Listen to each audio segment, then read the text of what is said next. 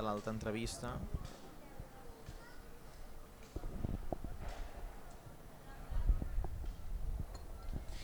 Doncs tornem a ser aquí en aquest capítol de Mentre Mentres per voler ressenyar eh, aquest exercici que ha fet l'editorial Fragmenta amb aquesta biblioteca de pensament contemporani. Ara ens toca parlar del primer volum, de fet, que és La gravetat i la gràcia, que ha presentat i traduït el Pau Mateu, que avui ens acompanya. Com ha estat l'experiència també bueno, en aquest cas perquè tu estàs realitzant la tesi sobre el pensament polític que ja hi entrarem de Simone Weil, però com ha estat també l'exercici aquest de dir anem a traduir la gravetat i la gràcia, obra no traduïda, però en aquest cas sí que hi havia obres traduïdes a Simone Weil al català a diferència dels altres dos autors, no? Benvingut Pau, què tal com estàs? Molt bé, moltes gràcies per, per també convidar-me. I la veritat és que ha sigut molt, molt interessant la traducció i és una, és una cosa que a mi sempre em rondava pel cap, perquè clar, quan portes anys treballant amb una autora no sé si us passa, però a mi em passa molt que, que ja et ressona quasi en català, però en realitat no l'has llegida mai en català. I a vegades hi ha textos que et saps de memòria i els tens aquí, però de cop te n'adones que estan en francès. No? I aleshores, quan em van oferir de traduir, la veritat és que és una cosa que em feia molta il·lusió, jo no havia traduït mai, però sí que va ser una experiència molt interessant i a més a mi m'agrada molt el tipus de lectura que et permet la traducció, perquè és una lectura molt atenta, molt, molt lenta, molt, no? eh, parant atenció a cada paraula i penso que, que si, si, el, si el que estàs traduint t'agrada, clar, si no t'agrada deu ser molt avorrit, però en el, en el cas de, de Simon Bale a mi em va agradar molt l'experiència. I a més a més això, que, que vulguis una d'alguna manera, ja la sentia en català no? quan la llegies i aleshores ha sigut interessant doncs, aquest acabar, intentar trobar com la manera com ella s'expressaria, no? o, o imaginar-ho, vaja i per tant ha sigut, ha sigut bonic, a mi m'ha agradat, tot i que això ho havia de fer els caps de setmana perquè entre setmana feia tesi, però ha, estat bé, l'experiència a mi m'ha agradat molt. I bé, de fet, i, i amb, els, amb els dubtes que hi ha a l'hora de traduir els conceptes, perquè clar, el primer dubte que va haver-hi és amb el títol, perquè en, en francès és la pesanteur eh, la grâce, no? i que pesanteur pot traduir-se amb gravetat, que per nosaltres té una connotació molt física, però també com a pesantó, no? que, que tindria una, unes, unes ressonàncies més com no tan relacionades amb la física newtoniana. No? I aleshores ja va ser un, una discussió que de fet després de traduir-ho una persona em va escriure dient jo ho hagués traduït per pesantó i ja, diguem-ne que ja te n'adones que només amb el títol ja veus que, que hi ha debats no? a l'hora de, de, de, de traduir una paraula per una altra per, per les connotacions que té una llengua i una altra. No? I per i clar, perquè decidir traduir d'una manera o d'una altra implica donar una connotació no només al concepte sinó també tot el seu pensament, perquè és diferent, no? diguem-ne que la gravetat aquesta de la que potser després parlarem és una gravetat en un món mecanicista newtonià o és una gravetat, diguem-ne, en un món orgànic tipus aristotèlic, no? Les coses tenen el seu lloc natural i, i cauen per, per pes, però no tant per una força de gravetat que els estira, no? Bueno, això ho dic perquè és, és un... Bueno, te n'adones que quan tradueixes que ja... Vai, que és una feina complicada i que ja és, és, és delicada, diguem-ne, i que segur que hi ha en molts llocs que hi haurà coses que són molt discutibles, eh? però bé, és una, una experiència que ha sigut interessant. L'exercici ara dèiem, no? de traducció també exist, exist, d'alguna manera obliga també per part, en aquest cas, els lectors a l'exercici d'aquest cas de la lectura, M'agradaria també entrar en com és de possible la lectura amb, amb, amb el cas de Simone Weil i per això t'agradaria preguntar inicialment on hem de situar dins de la producció biogràfica, diguem-li així, de Simone Weil, l'escriptura de la gravetat i la gràcia, perquè veurem que, i ho dius bé en el pròleg i també quan llegeixes qualsevol biografia o qualsevol art article inclús, ja d'entrada no apareix la idea de que ha, en aquest cas sí que és un personatge amb biografia i que gairebé és indestriable, no? Sí, que això una, una de les qüestions que, que hem apuntat abans quan a la conversa, que és la qüestió de la recepció, clar, és una autora on la biografia pesa molt, la qual cosa té pros i contres, perquè té el pro de que molta gent s'interessa per ella, però també a vegades la, la biografia acaba eclipsant els seus textos o eclipsant el seu pensament, no? que això és un tema que si vols després també també en podem parlar. Aleshores, La gravetat i la gràcia és un recull dels, de quaderns manuscrits de Simone Weil.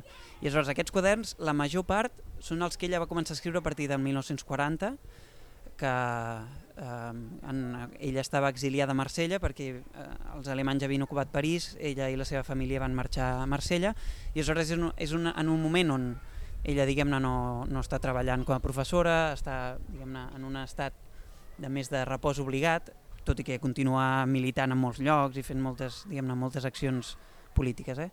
Però, però aleshores té, té temps d'alguna manera per d'algun país tot un conjunt d'experiències que ha anat tenint els últims anys i que l'obliguen a reconsiderar determinats eh, determinades perspectives del seu pensament o, o, o es veu obligada com a mínim a introduir nous elements que abans no havia, no havia, no havia considerat. No?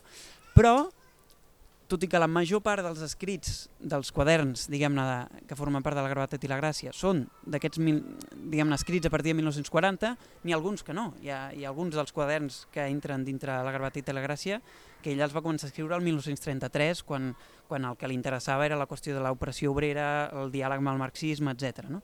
Per tant, el gran problema que té la gravetat i la gràcia, si podríem dir-ho així, és que um, que ens dona la impressió de que seria la sistematització del pensament de Simon Bale, però cal llegir-lo amb precaució perquè no és això, és a dir, aquí ja diguem-ne reuneixen fragments de, de moments molt diferents de la, de la seva obra. No? Però sí que és veritat que la major part dels, dels fragments que recullen aquí són d'aquests textos eh, que ell escriu a partir del 1940, que, que és, un, és un moment on, on ella introdueix ja tota una dimensió diguem-ne espiritual o mística, que, que, no, que, no, que no trobàvem tant als seus textos anteriors. No? Um, bé, i aleshores, eh, la primera precaució és aquesta, que diguem-ne que és un, un recull de fragments que no tots són de la mateixa època i que per tant eh, que alguns procedeixen de, de preocupacions molt diferents. No? I la, la segona precaució és que ella en un primer moment com a mínim no, no, no pretenia publicar eh, els quaderns tal i com, tal i com els ella els havia escrit, i encara menys eh, ella no va fer aquesta selecció que després acaba sent la gravetat i la gràcia. No? Per tant, eh, eh, hem d'anar amb compte també a l'hora de pensar que aquest, eh, el pensament que trobem a la gravetat i la gràcia és el pensament definitiu de Simone Weil, no? perquè ella escrivia molt diferent quan escrivia anotacions a un quadern o quan escrivia un text per ser publicat. Quan escrivia per un text per ser publicat o perquè algú altre el llegís, el feia, feia innumerables versions, revisava molt bé el text, perquè per assegurar-se que realment el que deia era el que ella pensava. No? En canvi, això no és el que trobem als quaderns. Els quaderns són anotacions, a vegades idees que ella que té, eh, a vegades trobem traduccions del sànscrit, trobem traduccions de, del grec, eh, diguem les resolucions de problemes matemàtics, no? per tant era, era una cosa que ella, un tipus d'escriptura que era més d'autoconsum, no? de, de, a, a punts per després poder la, fer textos més elaborats. Ella molts d'aquests textos ja no els va fer i aleshores l'únic que ens ha quedat són, són aquests quaderns. No? Eh, per tant, la segona precaució és aquesta, que hem d'anar, diguem-ne, que no, no, no podem estar segurs fins a quin punt el pensament que trobem aquí és realment el pensament definitiu que, que ella va elaborar, no? perquè moltes, moltes coses ella després les va revisar o, o les, les podia problematitzar, etc. I entrant ara a eh, això que dèiem, dins de la gravetat i la gràcia, eh, hi ha, hi ha un nucli temàtic no? que ara dèiem no? que hi ha una qüestió de com definir-la o com traduir-la, que és la idea de gravetat, però si vols entrem directament a la idea de gràcia i m'agradaria també entendre, un cop la lectura, eh, preguntar-te ja directament si aquesta, primer quin funcionament té aquesta gràcia dins de, diguem aquest univers eh, que hi ha tot, de, tot dins de, de la gravetat i la gràcia, però d'altra banda ja preguntar-te si hi ha una funció perquè en algun moment ho diu, no? hi ha un exercici gairebé que aquesta gràcia ha de permetre una espècie com d'alliberament i per tant si podem, com podem entendre aquest tipus d'alliberament i si ens, ens ha de derivar únicament a una vinculació amb la fe. Seria una mica la pregunta, eh? sé que és una mica complexa, mm. però aniríem cap aquí. Què en penses? Sí, um, bé, uh, jo penso que per entendre també la, les connotacions polítiques que té el llibre, perquè Simone Weil és una pensadora, això es pot discutir, però hi ha molts estudiosos que diuen que, que és una pensadora política fins i tot en aquests escrits místics, és a dir, ella té una preocupació política fins i tot no? quan, quan aquesta dimensió mística intervé en els seus, en els seus textos. No? I aleshores, jo penso que, que una manera d'entendre-ho, o com a mínim com jo ho entenc dintre el recorregut de, del seu pensament polític, és, és a partir d'un punt d'inflexió que, ella, que jo penso que es troba al 1937, quan hi ha hagut aquesta experiència del Front Popular, que és un govern d'esquerres, i coincidint també amb el Front Popular espanyol, eh?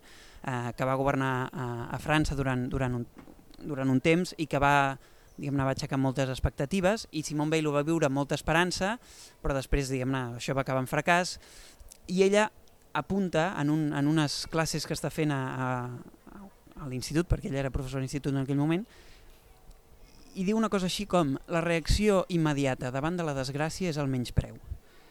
I aleshores és com si descobrís o acceptés que hi ha en, la naturalesa humana una espècie de tendència que fa que, que, que davant de la desgràcia siguem incapaços de, de reaccionar d'altra manera que menyspreant el desgraciat, donant-li les culpes de la seva desgràcia, posant distància, etc. No? És a dir, descobreix que hi ha com una tendència molt, molt poderosa en nosaltres que ens, diguem-ne, que ens, que ens empeny cap al mal. No? Que això seria el que després es podria tematitzar com la gravetat i que jo penso que té sentit traduir-ho com a gravetat perquè jo penso que en el seu univers mental sí que té una connotació diguem-ne mecanicista newtoniana, no? d'una força que ens, que ens sotmet a aquesta tendència cap al mal. No? I aleshores, diguem-ne, Simon Bale passa primera, primer d'una tradició totalment racionalista il·lustrada, no? on, on la raó diguem-ne i, el, i el pensament racional i l'acció guiada pel pensament racional eh, és el model de l'acció justa, val? però després després d'aquestes de, experiències, la, ella treballa com a obrera en una fàbrica el 1934-1935, després va la Guerra Civil, després hi ha aquesta qüestió del fracàs del Front Popular, i tot això l'acaba portant a, a, un, a una problematització d'aquest subjecte autònom i, i, i diguem-ne tot poderós no? de, de, de la il·lustració, i acaba assumint que d'alguna manera eh, davant de determinades circumstàncies el pensament racional és incapaç d'autodominar-se per, per, no? per, per combatre, per exemple, aquesta tendència que ens porta a menysprear la desgràcia o que ens porta, quan som desgraciats, a sentir que no valem res, que, que som indignes, etc. No?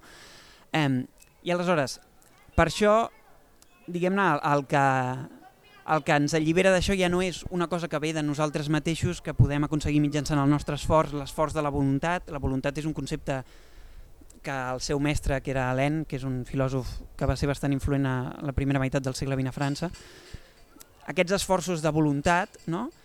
són com una mica impotents davant d'aquestes situacions límit que ella, que ella troba. No? I per tant, si no és una cosa que pugui servir de nosaltres mateixos, no? una, un, si, no, si aquesta tendència que ens porta a menysprear els desgraciats, que ens porta no, a, a sotmetre'ns a la força, etc, no la podem vèncer gràcies als nostres esforços de voluntat o de pensament, aleshores és, és només podem combatre-la sent alliberats, no? però aleshores som alliberats, no és que ens alliberem nosaltres mateixos. No?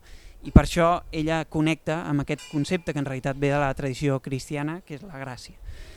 I justament la idea de la gràcia és que és una cosa gratuïta, és a dir, que és una cosa que se'ns dona amb independència dels esforços que hagis fet. No? És una cosa que, que se'ns dona gratuïtament i que podem acceptar o rebutjar, no? però que en tot cas no, no se'ns dona gràcies als esforços que hem fet. No? I, I bé, jo penso que que això situa bé una mica el, el seu pensament, no? Això que deies de, de que és un alliberament, doncs és un alliberament d'aquestes tendències que ens porten a, a sotmetre'ns a la força, bàsicament, no? I aleshores la qüestió és, diguem-ne, com s'accedeix a aquesta gràcia, no? Que això és el que, el que es troba tematitzat a la gravetat i la gràcia, també els seus quaderns, però és, és una cosa que a mi em sembla que no acaba de resoldre mai, Simon Bale. Això és una mica la, la meva lectura, però, però em sembla que, que llegint els, els textos dels quaderns i també alguns textos més desenvolupats, penso que trobem tensions a l'hora de, de veure com, com s'accedeix a aquesta gràcia, no? perquè en alguns, en alguns dels fragments d'aquí del Garbata de la Gràcia trobem, per exemple, que sembla que nosaltres haguem de, de generar un buit a base de, del nostre propi esforç de la voluntat per permetre que aquesta gràcia accedeixi. No? Aleshores hi hauria, en algunes interpretacions, aquesta gràcia vindria després d'aquest autoesforç o una espècie d'autosacrifici molt exigent, no? que dona les condicions perquè pugui baixar la gràcia. No? En canvi, en altres, la, en altres textos, Bale sembla, sembla donar molta més importància al concepte d'atenció, no? que, és, que seria un esforç que no és ben bé un esforç de la voluntat, un esforç diguem-ne heroic o autosacrificial no? de la voluntat, sinó que és més un, un esforç d'aturar d'aturar-se a, a contemplar, per exemple, no? en un estat d'espera receptiva, i seria aquest esforç el que ens, el que ens dona accés d'alguna manera a la gràcia. No? Um, però bé, en tot cas sí que a partir d'un moment ell sembla assumir que aquestes tendències només podem eh, superar-les gràcies a, aquest recurs que, que, que se'ns dona gratuïtament que vindria a ser la gràcia. M'has fet pensar ara que deies que no acaba de resoldre no, aquest accés o aquesta forma d'arribar a la gràcia, perquè jo avui també he portat a La persona i lo sagrado, que és una edició de, en aquest cas eh, Germina Editores, que conté un pròleg de la Gamben, i abans parlàvem fora de micròfon, que la Gamben va realitzar una tesi que encara no es pot llegir, algun dia suposo que tindrem accés a, a coses també de que la Gamben no ens vol ensenyar, um, però sí que és cert que en aquest pròleg hi havia un moment que recordo que la Gamben deia està molt bé l'anàlisi que fa de factors, de situació, però no, en aquest cas eh, deia, eh, o li faig dir, que no és tan interessant eh, o com resol o quines solucions planteja a eh, Simon i que per tant no, en el, el, pel que fa a les solucions aquí és on queda més un, un buit o, o on, on Bale no és tan lúcida per entendre'ns.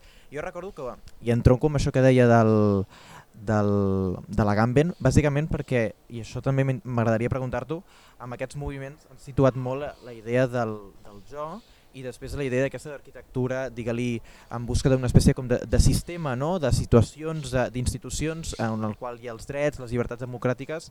A mi m'agradaria pre preguntar-te primer si, si sota una espècie d'esquema teològic, de llenguatge teològic, hi ha també una concepció política, tot i que utilitza un mecanisme de llenguatge, com podria ser la teologia, per, per mostrar-lo, per argumentar-lo i per presentar-lo, i si per tant és aquí on podem llegir-la políticament i per tant què en queda de la, de la veir política en el contingut de la gravetat i la gràcia, no? en aquests moviments que, que hi ha.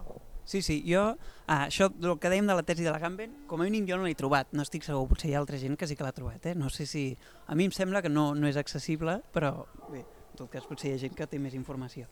Eh, I aleshores, el que estic molt d'acord amb això que tu dius, de que Simon Bell hi ha una cosa que penso que és molt i molt interessant, que és amb, amb la qüestió de mostrar quins són els problemes o les apories que ens trobem a l'hora de pensar la política i això em sembla que, que ella aquí té aportacions molt interessants, per exemple a l'hora de pensar la revolució. I després la qüestió de si soluciona o no aquestes apories, bueno, en tot cas segurament a Gamben no li agraden les solucions que Bale aporta, no estic tan segur que no, Bale no porti solucions, però bé um, jo penso que hi ha una dimensió política molt molt important a, a tots els escrits diguem-ne que ella fa um, en el, en el on, on intervé diguem-ne aquesta dimensió més espiritual o, o dels quals diguem-ne formen entre els quals diguem-ne formen part la major part dels quaderns eh, dels quals prové la gravetat i la gràcia.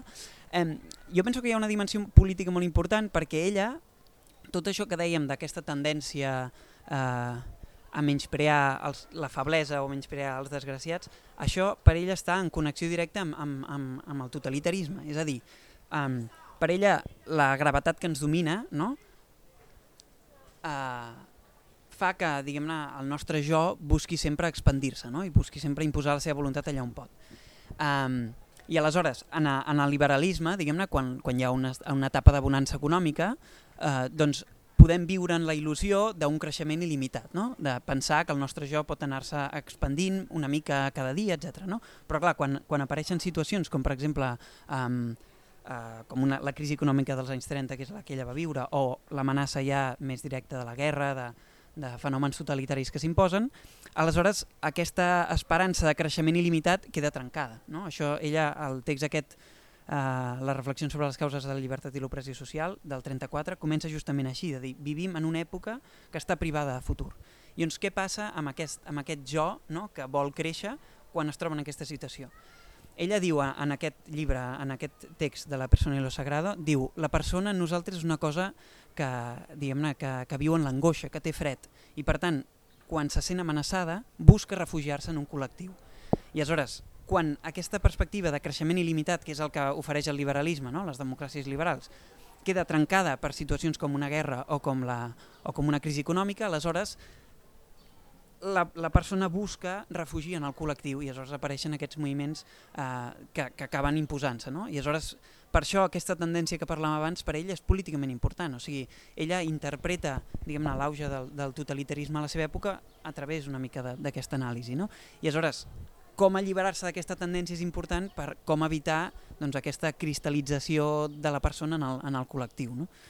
I, i, i resseguint això, i ja ens tocarà anar acabant, però sí. per anar concloent, hi ha un concepte que em costa entendre, o que com a mínim volia per acabar, i m'ha fet gràcia perquè apareix en alguns moments, un és en el capítol de la desgràcia, que és aquesta idea de, de, de realitat i com aquesta, aquest moviment del jo o de, de la persona es realitza per accedir-hi. Hi ha un moment que ho diu gairebé en aquests termes no? de, de mobilitat, Com hauríem d'entendre aquest moviment o desplaçament cap a la realitat o on juga aquesta realitat?